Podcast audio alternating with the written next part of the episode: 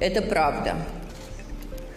Я хочу, чтобы Путин, все его окружение, Путина, путинские друзья, его правительство знали, что они понесут за то, что они сделали с нашей страной, с моей семьей и с моим мужем ответственность.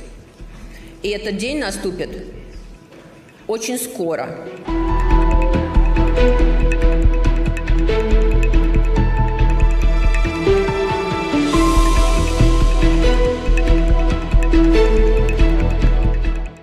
Confirmed, this would be a further sign of Putin's brutality.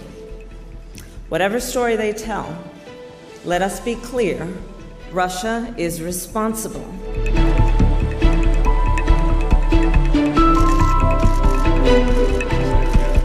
Russian government, Putin, have persecuted, poisoned, and imprisoned Alexei Navalny.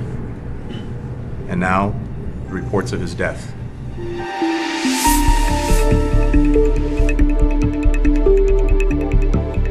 It's a horrible tragedy if it is so. But his imprisonment is a horrible tragedy, period.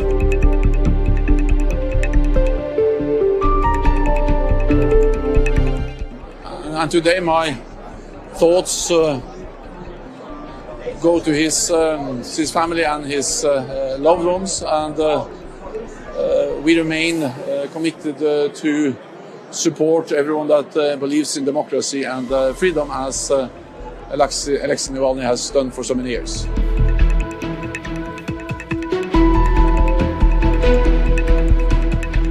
The world has lost a freedom fighter in Alexei Navalny. We will honor his name. And in his name, we will stand up for democracy and for our values.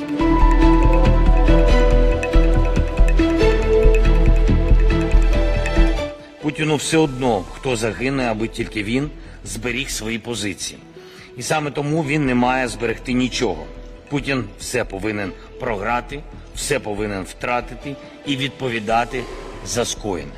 Wer Kritik äußert, wer sich für die Demokratie einsetzt, muss fürchten um Sicherheit und Leben. Und deshalb sind wir alle sehr bedrückt.